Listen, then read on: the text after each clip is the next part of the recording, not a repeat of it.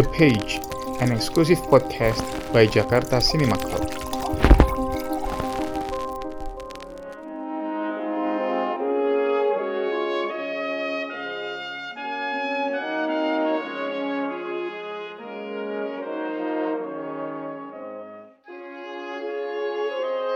Hai, selamat datang di The Page, podcastnya Jakarta Cinema Club. Topik apa yang bakal kita bahas kali ini? Jakarta World Cinema Week. Films Festival.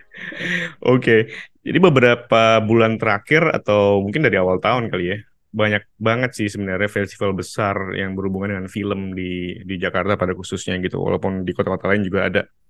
Contohnya seperti Madani Film Festival kemarin, kemudian ada Kinofest uh, di Jerman, bukan, sorry di Goethe Institute, Festival Film Jerman, kemudian ada Japanese Film Festival, ada Festival Sinema Perancis yang lagi berjalan sekarang, kemudian ada Jakarta Film Week, kemudian ada Jakarta World Cinema Week yang kita bakal bahas uh, experience-nya kali ini dan juga sebenarnya ada Hong Kong Film Festival sih. Hmm. Kemarin agak, agak agak random sih gue kemarin waktu itu nemu dan pemutarannya sebenarnya di di FX nggak terlalu rame sih sebenarnya mungkin um, maybe they need us for media partner for next year. Don't know. Dan masih ada Jeff juga ya? Dan Jav nanti uh, di Jogja. Secara spesifik kita bakal membahas Jakarta World Cinema Week. Apa sih yang beda tahun ini dibanding tahun lalu? Kita ada episode khusus kan?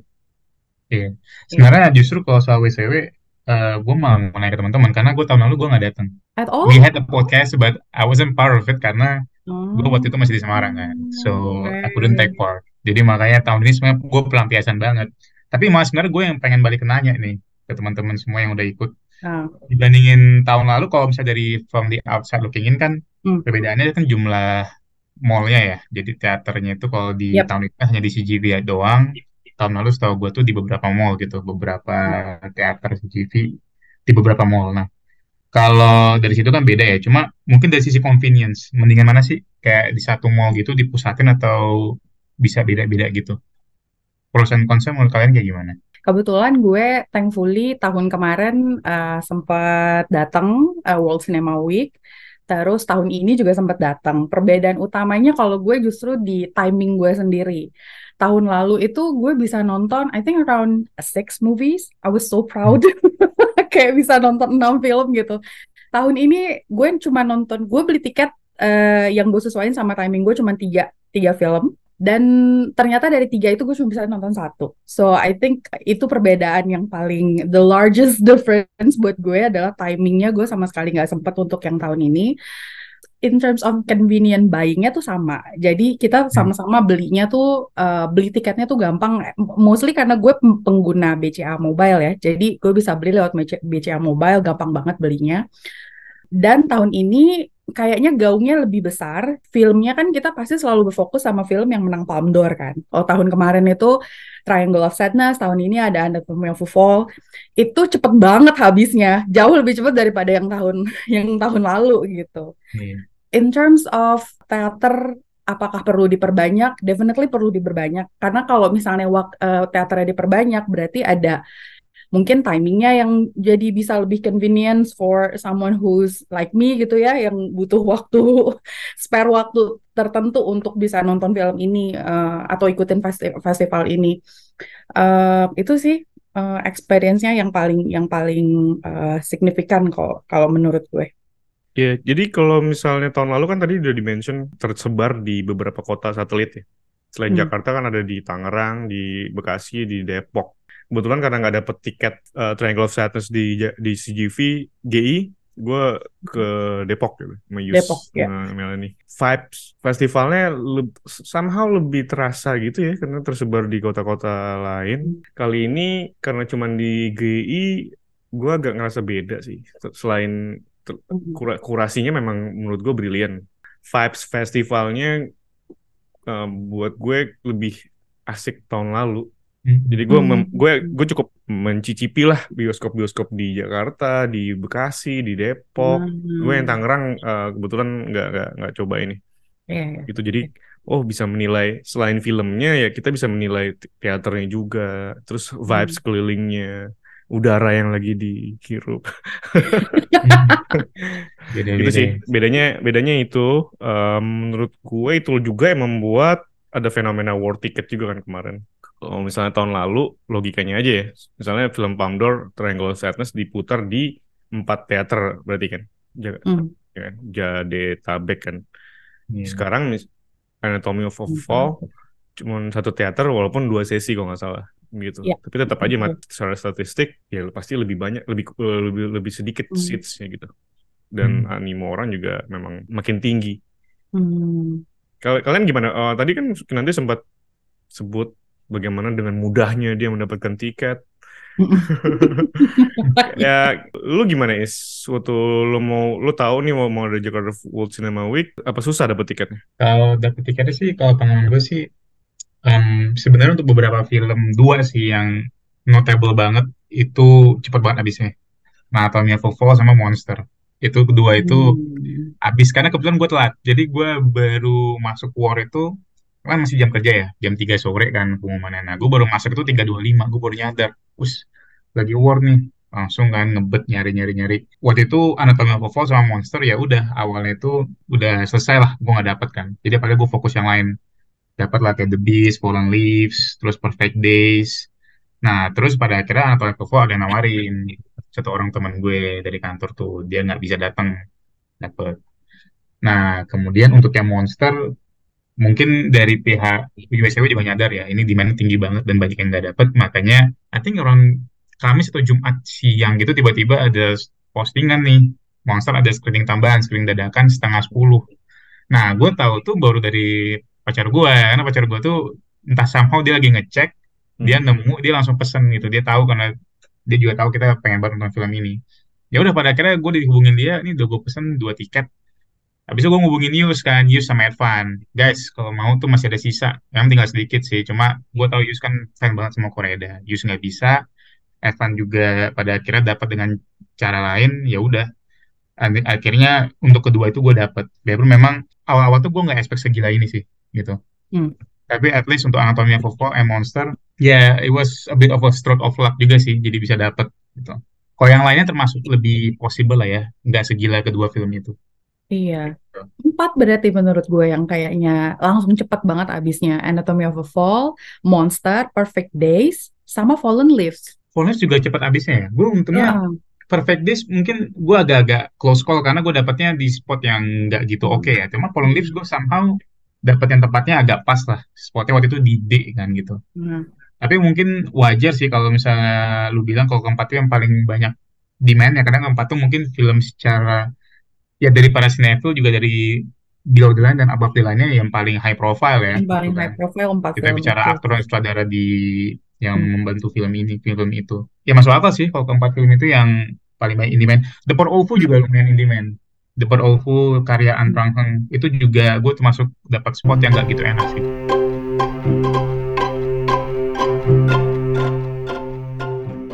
Em, jujur gue kan nggak terlalu berminat ya dengan war-war gitu. Jadi kalau udah dibilang ingetin nih nanti tanggal segini, aduh gue nggak nggak terlalu gitu. Kebetulan banget eh, ada teman gue yang ngingetin waktu itu di hari H. Kok belum ini ya katanya, kok bisa belum bisa beli tiket ya? Dan kebetulan gue emang lagi di depan laptop kan. Akhirnya gue langsung buka si- app CGV, oke. Ya gue langsung aja Anatomy of a Fall, Perfect Days, ya kan itu dua itu yang mau, mau gue selamatkan karena jujur gue Koreda nggak terlalu excited lagi karena dua film terakhirnya gue biasa aja. Abis itu gue liat Monster, Monster Hmm. ternyata masih ada nih yang di depan-depan. Ya, gue telepon Melanie, kebetulan gue lagi di beda tempat. Gue, sih males ya kalau di depan paling depan banget nih. Terus, udah nggak Hmm. apa-apa nggak apa-apa tadi. Gue cek lagi udah sold out gitu. Terus gue berpikir ah nanti juga Monster diputar juga di regular sih harusnya ya gitu. Di satu sisi gue emang terlalu bi- biasa aja sih gue. Kebetulan gue miss eh, dua film lagi yang ada di watchlist gue tuh si eh, filmnya Nuri Celan ya. About Dry Grass. Iya, itu sama eh, yang tadi Tran Ahnung ya si Mm-mm. itu karena emang jadwalnya nggak bisa gue sama kerjaan. Jadi gue dapet eh, beberapa film sih yang paling notable sih ya, ya udah pasti Anatomy of a Fall, The Beast, kemudian How to Have Sex sama Perfect Days. Em, tapi buat gue spotlight dari pengalaman kali ini tuh di Perfect Days. Hmm. Jadi total film yang kalian tonton berapa? Gue kan satu nih. Gue cuma satu doang. Kalian berapa? Lo nonton apa sih, Kin? Gue nonton uh, The Settlers. Oh, The Settlers ya? Iya. Itu yang western bukan sih? Western Random ya? colonization tapi spesifik di Chile. Jadi hampir sama kayak film Scorsese yang kemarin, cuman Hmm. ini dia fokusnya untuk colonization yang di Chile gitu ceritanya. Gue tujuh, jadi gue agak Nice. 11 sih. 11 karena tahun lalu gue bener-bener off ya dari semua hype gue Gue yang niat ya, Yes. niat men harus disikat. Sebenarnya gue nonton 8 cuma satunya gue eh gue apa nggak sampai selesai. Jadi pertama gue nonton Insya Allah Oh Boy dari Hmm. Amjad Arash eh, Arashid tuh film Jordan. Ini Insistence of My Girlfriend sih sebetulnya. Jadi cewek gue yang pengen banget nonton. Jadi gue nggak gitu excited sebetulnya tapi I watch it anyway dan memang ya sesuai dengan yang gue kira ya. It wasn't very good. Terus The Pot of Fu, kemudian The Beast, terus Fallen Leaves, terus ini gue pecah telur nonton film Mongol pertama kali If Only I Could Hibernate, Hmm. terus Perfect Days dan terakhir yaitu pas surprise screeningnya Monster ya jam setengah 10 hari Jumat film ketujuhnya itu. Jadi ada tujuh. Lumayan sih lumayan puas ya sebetulnya. Artinya eh, yang masuk di checklist gue semua ketonton. Dan so far my expectations gue sih sebetulnya dengan film-film ini ya mostly met ya. Yang gue nggak kira bagus ya ternyata kayak gitu tapi yang ekspektasi gue tinggi juga ya memang sesuai dengan ekspektasi gue ya gitu. Jadi emang seperti yang dibilang Putra juga kurasinya emang bagus sih tahun ini. Sorry tadi itu surprise screeningnya jadinya monster atau gimana sih? Surprise screening itu ada dua kan di BCW. Jadi ini emang spoiler juga sih. Yang pertama itu filmnya Fedi Nuril sama Laura Basuki. Hmm. Namanya itu Rumah Impian. Oh, Itu yang pertama. Eh, Kalau Fedi Nuril kan identik dengan ini ya, Eta Cinta gitu. Mungkin yang, Iya. ketiga, yang ketiga Ini kayak Face Off 2. Face Off 2. Tapi itu sih gue nonton yang itu flashback pertama itu. Jadi gue waktu itu somehow nggak selesai. Jadi ada Fedi Nuril juga datang dengan cast members kan yang Oh, membuka sampai, filmnya sebelum screening. Hmm. tapi gue sama nggak nggak support waktu itu karena ada personal matters nah terus yang sepas movie, sepas movie 2 sih gue nggak nonton cuma gue tau Putra nonton sih Kecewa dan lo? bareng sama temen gue ada satu gitu film Malaysia kalau nggak salah ya Kecewa nggak lo? Nggak jadi nonton film Fedi Nuril di surprise film? gue ya gitulah gue agak Nggak kecewa ya? kecewa ya gue sih ya, gitu Three- dan sebenarnya ceritanya yang gue tonton ya biarpun gue nggak sampai gue nonton 30 menit pertama tapi it feels by the books banget sih by the numbers banget Iya. properly made tapi ya by the numbers you can tell dari a- awal tuh kita bakal ke mana tapi gue nggak nyelesain juga sih so you know I see. Eh, sebenarnya gue beli tiket lumayan banyak nih. Ini, Iya. waktu itu gue top up GoPay dua ratus ribu gitu tetep tetep tetep tetep tetep tetep gitu aja langsung biar cepat gitu kan jadi gue nonton ya tadi gue udah mention yang gue tonton yang gue nggak bisa nonton akhirnya hmm, ini slow tuh gue nggak bisa oh, nonton slow. dan yeah, yeah. dan setiap gue nggak bisa nonton gue nggak nggak sempat mau share gitu tiketnya gitu karena uh, ya yeah, it's very sudden gitu misalnya gue ada meeting tiba-tiba atau gimana hmm. terus surprise screening dua gue nggak bisa nonton karena gue ke opening night Jakarta eh, Oh, fes- FSP. fes- festival sinema Prancis gitu dan hari itu gue gue padat banget sampai maybe 30 minutes before the opening night gitu. Jadi gue nggak nggak I, I missed it gitu. That that that Friday night itu banyak banget event actually gitu. Ya gue missed everything kecuali opening night itu. Ya misalnya wa- teman kita Wasted Rockers ada ulang tahun ke 20 di M Block. Hmm. gue gak bisa datang terus eh, under 17 World Cup juga yang hari Jumat tuh Inggris kok Inggris kalau salah lawan Brazil nggak bisa nonton. Terus ya surprise screening dua udah beli tiket dua nggak bisa nonton. Kira ya udah gue ini eh, nonton empat itu dan gue puas sih. Melanie sempat eh, Melanie yang paling marah sih nonton The, The Beast ya. Apa? apa ya semacam sci-fi romance gitu. Iya, kayak mixture between 2046 sama Cloud Atlas. Ya, idenya sih lumayan rumit ya. Ada purification gitu sehingga lo bisa kayak Nangin emosi gak sih emosi itu jadi, sesuatu yang di itu yang ditakutkan gitu. Dan dia bisa travel ke dirinya di eh, periode-periode Mm. eh, tertentu gitu. Agak agak absurd sih. Cuman karena yang main Lia Sidux, gue Oh, dua dua set- dua setengah jam gue anteng-anteng aja gitu ngeliat layar layar cuman Hmm. malah ini udah kesel banget. Iya. ini maunya maunya apa sih? Pretentious banget nih film gitu kata dia. Hmm. gitu. Itu sih. Kalau gue ya eh, itu satu The Beast kemudian How to Have Sex. Gue tuh gue tulis sedikit kemarin di Letterbox itu kan eh, mirip-mirip Spring Breakers ya tapi Spring Breakers kan sebenarnya eh, ketika gue nonton dulu 2012 eh, gue ngerasa kayak wah apaan sih ini?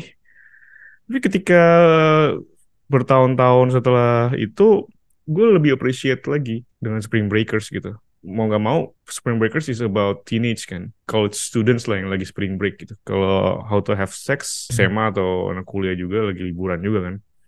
Cuman kalau How to Have Sex kan memang bener-bener karakternya emang pengen pengen having sex gitu. Kayak pengen banget having sex tapi nggak bisa bisa gitu kan berusaha banget tempting cowok-cowok di situ mau having sex cuman eh, yang menarik adalah kita eh, orang Jakarta yang sangat bosan dengan kehidupan di Jakarta dengan hancurnya ini kota semua dengan baliho parpol, caleg di mana-mana sekarang kan di sana hancur, jalanan hancur, semuanya macet. Kita ngumpul di satu teater ngelihat remaja pengen having sex selama sat- satu jam 40 menit. I think that that's that's a that's a fun experience for me gitu. Jadi gue jadi eh, apa yang gue lakukan dalam bioskop tuh gue ngeliat sekeliling gitu, muka-mukanya bagaimana gitu. Semuanya kan pasti kayak baru habis pulang kerja kan, jadi ada yang bawa tas lah, kepenatan mereka selama satu hari, habis itu ngeliat ini remaja-remaja, literally hanya tentang remaja yang mau have sex doang. Almost like American Pie dong. Aduh, tapi kan American Pie kan komedi ya. Aha. Ini serius. Eh, ini serius gitu loh. Oke. Tone-nya lumayan serius gitu. Hmm. menurut gue experience di situ sih jadi gue kayak observe aja nih sekeliling gue gimana lucu sih jadi ujung-ujungnya sih end up agak disastrous gitu buat kalian spotlightnya apa? gue bikin jadi top 3 aja ya. Jadi gue ada top 3 sama satu film not- notable yang gue mungkin pengen kasih spotlight aja sedikit. Nah, kalau top 3 gue, yang nomor 3 tuh Fallen Leaves. Nothing new ya, bagi nonton film Agi Kaurismäki, udah tau lah ya style dia dengan deadpan humor, terus eh, dengan setting apa dengan setting yang agak bleak ya. Tapi di sini agak lebih pure sih ceritanya, lebih simple dibandingin beberapa film dia sebelumnya ya kayak Le Havre yang mungkin lebih kayak social drama tapi with comedy gitu loh. Ceritanya tentang boy meets girl aja, tapi dengan settingnya di Helsinki, jadi di ibu kota Finland, tapi yang di bagian yang cukup sosioekonomi cukup menengah ke bawah ya. Jadi ini mengenai dua orang yang menghidupnya susah gitu.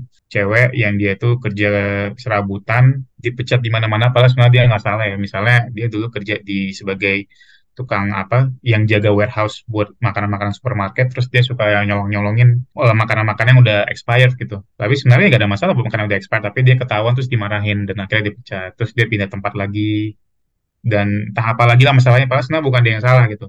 Nah, itu cowok juga dia juga hidupnya susah terus terus dia juga alkoholik. Nah jadi mereka berdua come together in a movie theater ya. Dan banyaklah problem romance mereka yang sifatnya simple sih dan lucu ya.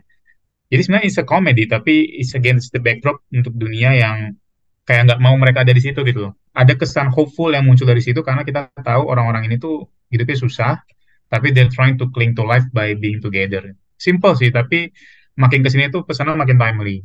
Nah Habis itu The Taste of Things yang nomor 2. Nah ini sempat jadi film favorit gue sih karena gue nonton sebelum Perfect Perfect Days ya, my favorite Apa? movie of the year. apa sih judulnya? Nah, Eh, the Taste of Things, The Pot The- Ofu sih. Oh, Namanya agak oh, banyak oke ya. oke oke Tapi gue mencoba yang Itu bahasa Inggrisnya ya? di spell aja The Taste of Iya. Things. Dan ini juga kayak namanya pas di, untuk rilis US juga pakai nama ini. Jadi ini film dari Tran Ang Heng, ini film pertama dia dalam 13 tahun. Dia adaptasi Norwegian Wood. Gue ngeliat film ini, terus gue ngebandingin dengan film pertama dia ya, Sign of Green Papaya. It's almost a complete opposite gitu. Emang ada jarak 30 tahun, cuma it's not a thinking man's film kayak Sign of Green Papaya, tapi lebih simple. It's a very emotional film ya. Ceritanya juga simple banget. Tentang dua orang yang satunya dia cewek yang dia chef, kerja buat si cowok yang dia tuh kayak film kritik sekaligus punya restoran juga. Terus mereka kerja 20 tahun nih, ceweknya yang bikin bikin makanan, terus cowoknya yang menilai makanannya, terus yang yang masukin di restorannya lah ya. Mereka 20 tahun kerja bareng, they, cowoknya suka banget sama ceweknya, dan I think ceweknya juga suka sama cowoknya, tapi nggak mau nikah gitu. Karena ceweknya itu ya dia pengen freedom lah tuh bagaimana kan dia cukup mandiri sih waktu makin sedikit nah mereka juga mulai reflect lah sebenarnya freedom itu apa sih gitu kalau dibandingin dengan kesendirian lu gitu loh lu pengen nggak mati sendiri gitu. Atau lu pengen sebenarnya ya lu bebas sampai pada akhirnya nggak ada yang nemenin lu pas lu meninggal kayak gitu. Jadi it clings to the idea of uh, old age terus ya enduring romance dan ceritanya simple sih tapi kita udah pernah screening di Secret Movie Saturday All About Food ya. Filmnya Babbage Fish. Nah film ini tuh kayak Babbage Fish on overdrive gitu. Jadi kalau Babbage Fish itu dikali dua segala macam dari Babbage Fish bagi, bagi dua nah dikali dua nah inilah filmnya.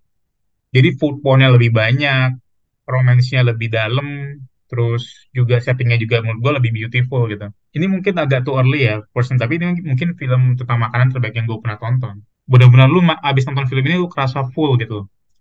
Full benar-benar semua yang lu pengen tuh dapat lu lihat makanan aja saking banyaknya ditunjukin di di sequence-sequence itu rasa kenyang. Dan actingnya juga bagus banget ceritanya juga simple tapi timeless ya. Nah terakhir gue gak terlalu lama tapi ini film favorit gue tahun ini. That's Perfect Days. Eh, enough said sih kalau mau gue this is exactly what I needed gitu. Perfect Days ini kerasa kayak timely banget dengan rutinitas yang kita hadapin. Ngelihat kehidupannya si Hirayama itu ya it's very inspiring dan mengingatkan kita untuk selalu bersyukur sih kayak gitu. Eh, to say the least ya karena banyak banget sih yang bisa dipetik dari film ini. Cuma it comes at the right time dan mungkin cocok ya bagi orang-orang kayak kita yang malas dengan penata pekerjaan ngelihat karakter Hirayama yang very lively gitu, full of life dengan segala macam kesederhanaan hidupnya. Jadi ketiga spotlight gua, Fallen Leaves, The Taste of Things, and Perfect Days. Sama mungkin satu notable film yang gue pengen bilang, film Mongolia pertama yang gue tonton, namanya If Only I Could Hibernate ya. I don't really like this film, tapi it's commendable film ini bisa muncul ya. Karena keluar dari negara yang nggak terlalu terkenal dari sisi perfilman. Cuma satu hal yang satu criticism yang gue pengen tunjukin ya, ini film Mongolia. Terus ini film jarang, Mongolia hampir nggak pernah ngeluarin film kan. Dan you Hmm. know, Mongolia secara sosioekonomi ya memang nggak mampu. Nah, pada saat mereka ngeluarin film ya, yang ditonjolkan tuh malah situasi orang miskinnya gitu loh. Gua nggak ngerti sih kenapa setting yang diambil kayak gini. Kesannya malah dignity film, dignity negara itu tuh nggak kelihatan. Kurang suka sama orang miskin ya, sis. Bukan kurang suka sih, cuma cuma DS is very predictable gitu. Kayak when you have uh, your chance at the spotlight, yang lu tunjukin kayak gitu gitu. There's, there can Ya. be so much more sebenarnya. Dan Nadine, jadi Nadine sama Yus suka tuh ide film. Biasanya buat ide film. Iya sih, tapi kalau gue, gue gue gue nggak tahu kalau Nadine ya. Cuma Yus, I think bakal sama kayak gue opininya. Karena selain concern gue, selain karena temanya predictable banget, I think I've gone past this gitu loh. Kita udah kenyang lah dengan sinema neorealis ya. Bahkan sinema-sinemanya Jean-Luc Dardenne gitu. Gue ngerasa kayak kembali ke era yang udah bygone gitu. Bagi gue sih kerasa out of time. Dan secara eksekusi juga nggak sebagus film-film yang tadi gue sebut ya. It's properly made, tapi kalau menurut gue eh, sebagai sebuah representasi negara yang jarang bikin film, this could have been so much more sih. Mungkin yang yang bikin spesial memang uh, the fact that it's made by ini Mongolian sih. Gue gue penasaran sih lebih ke experience watching the film gitu. I think I think you're lucky enough to see it in big screen. Hmm, I changed my mind sih. Jadi kayaknya Perfect Days mesti ada satu sesi sendiri. Karena itu one of the best film of the year ya. Buat, Wow. buat, buat gue ya. Selain Anatomy sama Budi Pekerti gitu. Tapi Oh, Perfect, gitu. Perfect Days masuk di yang gue kasih rate 5 dari 5 gitu. Eh, Kalau sama. Kinanti, kalau Kinanti gimana Kin? Kemarin yang The Settlers. Eh, gue kecewa karena yang gue bisa tonton hanya The Settlers saja. Dan it's very similar with Killers of the Moon. Um, karena ceritanya kan tentang kolonisasi. Eh, spesifik ini kolonisasinya towards indigenous people di eh, Chile gitu. Um, the differences is that you can feel the atrocis the atrocities kayak ini kalau misalnya nonton Killers of the Moon itu kan lo masih berasa um, lo simpati gitu sama karakternya si Leonardo DiCaprio gitu kan. Um, tapi this movie is just ruthless, bener-bener nunjukin kayak uh, kekejaman dari penjajahan itu sendiri. And I think with what happened in the world nowadays gitu, this kind of movies just you know kayak nyesek banget gitu lo nontonnya dan terutama gue nyesek banget nontonnya gue cuma bisa nonton film ini di masa kayak gitu. Um, so there's not much for me to discuss about the movie itself. Mungkin kalau gue bisa ini sedikit sih, gue cuman mau kasih untuk next uh, World Cinema Week-nya ya, mungkin lebih tahu lagi demografi dari si penontonnya tuh siapa dan kasih kasih tempat gitu loh buat buat si para penontonnya karena kan banyak film-filmnya mulainya kayak dari jam 3 gitu ya. Oh iya benar. Iya, kemarin satu juga ada. Iya, betul. Kemarin gue ketemu sama Denny dan Denny tuh ngambil cuti satu hari dia bilang. So I would do that. I will Iya. definitely do that in the next year. Tapi I would assume kayak film-film festival yang ada di Jakarta tuh tujuannya adalah to broaden the mind of Indonesians, all Indonesians out there untuk dikasih film-film bagus gitu. Jadi kita jauh lebih mengkritisi kayak film-film kita sendiri yang buatan kita sendiri nggak melulu tentang horor, nggak melulu tentang religi kayak gitu kan. Iya. So ya udah untuk lebih dikompensate lah, lebih dikasih nyaman lah buat buat penonton, buat eh, penikmat sinema atau eh, sinema sinema festival gitu, buat beneran dikasih timingnya mungkin agak lebih enak kayak gitu. Iya. Itu- dilema sih karena eh, keterbatasan slot juga kan. Hmm, Kan sebenarnya semua slot yang malam udah diisi juga sama World Cinema Week. iya sih. Sedangkan teaternya cuma di CGV. Itu itu aja sih pro- problemnya. By the way, karena lo mention tadi dari perspektif eh, ini ya, office worker atau apa sih? Iya, office work.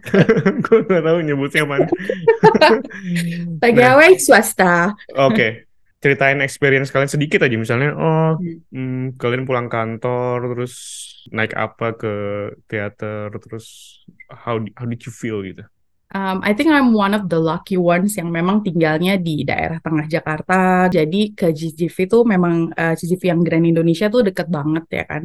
Kantor gue juga di Jakarta Selatan. Jadi ya maksudnya eh, mudah lah gitu ke arah sana. Eh, gue ingat vibes yang eh, tahun lalu itu tuh eh, gue kayak beneran niat datang mau nonton World Cinema Week, meeting all of the people, mau ngerasain nonton film festival dan dan juga ngelihat orang-orangnya gitu loh, crowd-nya gitu loh. Oh, ini loh ternyata yang suka nonton film festival kayak begini gitu. Eh, dan kayak yang tadi lu bilang put bawa-bawa tas apa segala macam. Jadi gue ngerasa oh banyak ya eh, yang kayak gue juga gitu loh. Yang eh, pekerja pegawai swasta tapi nyempetin buat pulang dan nonton ini gitu loh. Just because we all love movies. Um, yang it- ini nggak berasa di tahun ini karena ternyata kesibukan tahun lalu, uh, mean specifically uh, kesibukan tahun lalu versus tahun ini membatasi buat gue uh, lebih banyak explore filmnya, uh, timingnya juga nggak pas buat gue gitu. If you remember guys, tahun lalu tuh gue masih sempet nawarin, eh gue mau beli, ada yang mau ikutan nggak gitu.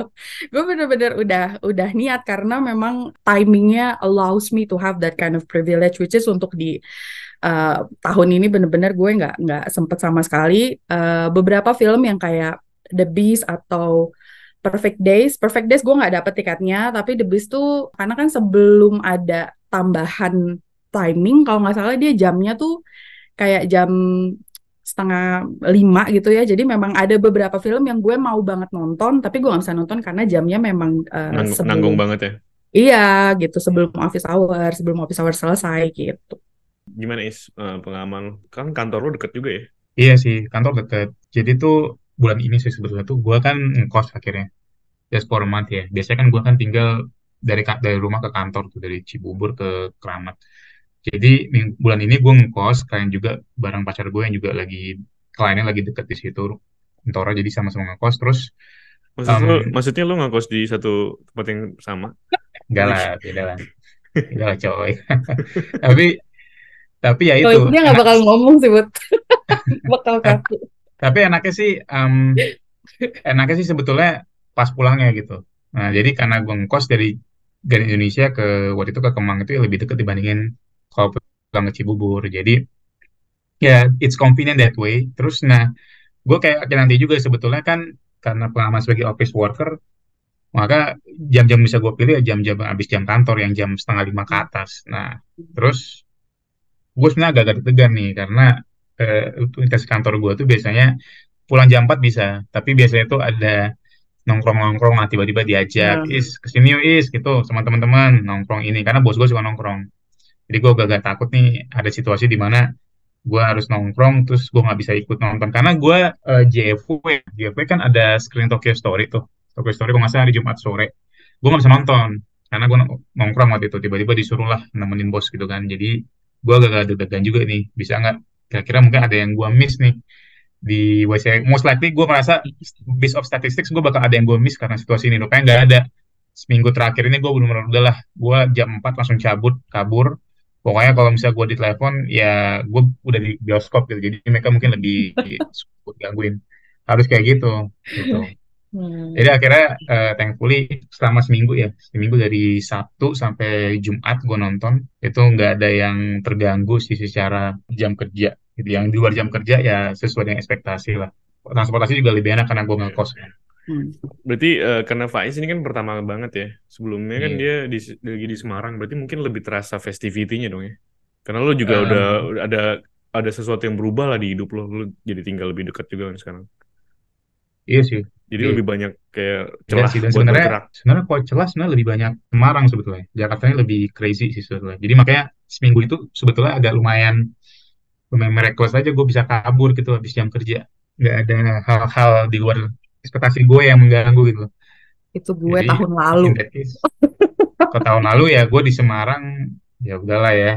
Sih gue agak agak berbeda ya. sedikit sih sama kalian karena uh, di kehidupan pekerjaan gue uh, jadwalnya kan mostly gue yang atur ya. Kalau gue mau meeting ini harus gini harus gini cuman kadang-kadang bisa kebalik tuh soalnya tiba-tiba gue emang harus ada meeting yang malam atau misalnya uh, eh, gue ada meeting di dua atau tiga tempat yang berbeda di region yang sangat crazy gitu uh, in terms of traffic. Hmm. Pada dasarnya sih gue selalu ya udahlah beli aja tiketnya dulu. Tetap tetap nanti juga kalau misalnya nggak bisa ya, well nggak bisa gitu. Kan gue selalu pakai Google Calendar, gue taruh dulu di Google Calendar gitu. Dari 100% yang gue beli mungkin jadi 60% maybe yang hanya gue bisa uh, dapatkan itu pengalamannya uh, kurang lebih mirip sih sama kalian uh, pulang kerja atau sebelum kerja maybe gitu kan uh, singgah sebentar nonton film yang notabene di atas kertas harusnya bagus cuman karena teaternya cuman di CGV Grand Indonesia itu aja gue ngerasa festivity-nya agak